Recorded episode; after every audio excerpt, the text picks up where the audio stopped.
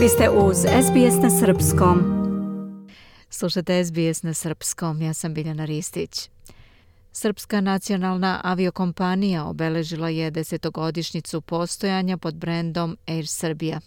Aviokompanija je osnovana kao naslednik Jat Airwaysa i preimenovana u Air Serbia 2013. Hranislav Nikolić ima više detalja.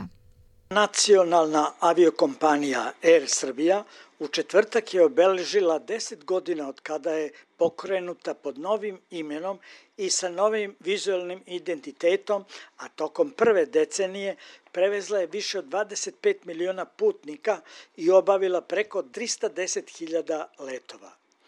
Na prigodnoj svečanosti u Muzeju savremene umetnosti, pored generalnog direktora Jiržija Mareka, prisustvovali su Siniša Mali, ministar finansija, Miloš Vučević, ministar odbrane, Nikola Selaković, ministar za rad i zapošljavanje, Darija Kisić, ministarka za brigu o porodice, Vladimir Orlić, predsednik Narodne skupštine, kao i mnogobrojne zvanice iz političkog i kulturnog života.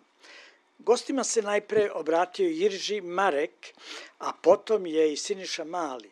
Ministar financija je rekao. Ovo je veliki jubilej i usudit ću se da kažem ne samo veliki jubilej, jubilej, jubilej koji je vezan za Air Srbiju. Air Srbija je simbol uspeha, simbol napretka, simbol promena koje su se u Srbiji desile proteklih deset godina. Sećamo se kao juče da je bilo 2013. godine kada je predsjednik Vučić zamolio šejka iz Emirata da nam pomogne u restrukturiranju tadašnje, tadašnjeg jata. A tadašnji jat, dame i gospodo, imao je preko 400 miliona dolara obaveza duga. Imao je, ako se ne varam, 11 aviona i nije imao budućnost. I to je bila neka slika i prilika iz Srbije tada 2012. 2013. godine. Srbije koju smo nasledili.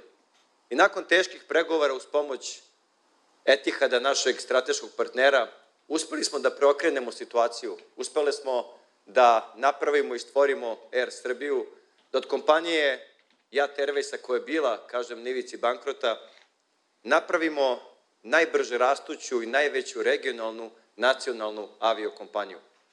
To je bila prosto neverovatna stvar i san koji smo mislili da nikada nećemo dosanjati i uspeli smo u tome. I to je zasluga i svih zaposlenih, to je zasluga rukovodstva, ali to je zasluga i svih građana Srbije. I zato je ono kroz što je prošla Air Srbija proteklih deset godina, kaže meni slika i prilika uspeha i napretka naše zemlje. Do 2015. godine, dakle samo dve godine nakon stvaranja Air Srbije, u floti Air Srbije bilo je već 20 aviona. Nakon toga sećam se da smo uspeli uz duge razgovore i pregovore sa Jet Airwaysom iz Indije da napravimo dogovori oko leta u New York. Nabavili smo taj veliki A330, sećam se tog prvog leta u New York, dakle nakon skoro 25 godina Air Srbija ili Srpska nacionalna aviokompanija poletela je u Severnu Ameriku. Poslovanje kompanije u poslednjoj deceniji potpuno je transformisano. Broj destinacija je udvostručen, tako da u putničkom i teretnom saobraćaju Air Srbija leti do više od 80 redovnih i čarter destinacija u Evropi, na Mediteranu, Severnoj Americi, Aziji i Africi. Uvedene su i tri interkontinentalne destinacije New York, Chicago i Tianjin u Kini. Pre pandemije virusa korona u kompaniji se razmišljalo i o uvođenju direktne linije za Australiju, ali se to do danas nije realizovalo.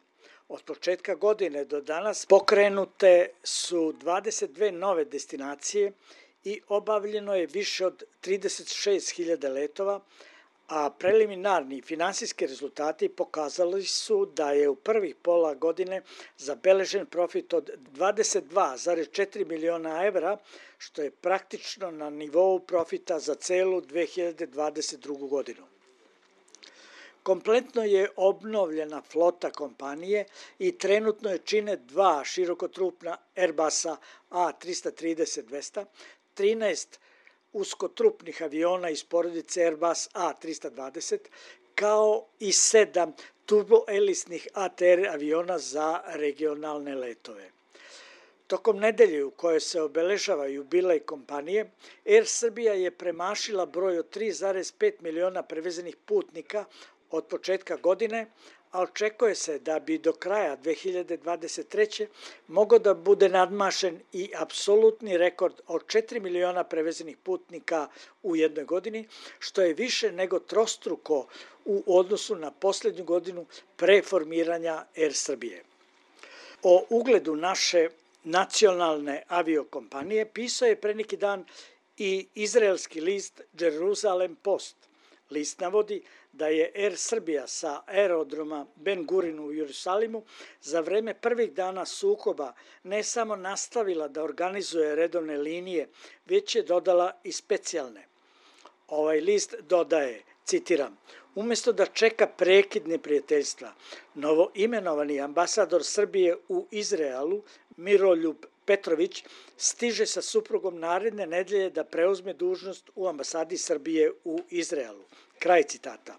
Da podsjetimo, gospodin Miroljub Petrović je do nedavno obavljao dužnost ambasadora Srbije u Australiji. Iz Beograda za SBS, Branislav Nikolić. Želite da čujete još priča poput ove? Slušajte nas na Apple Podcast, Google Podcast, Spotify ili odakle god slušate podcast.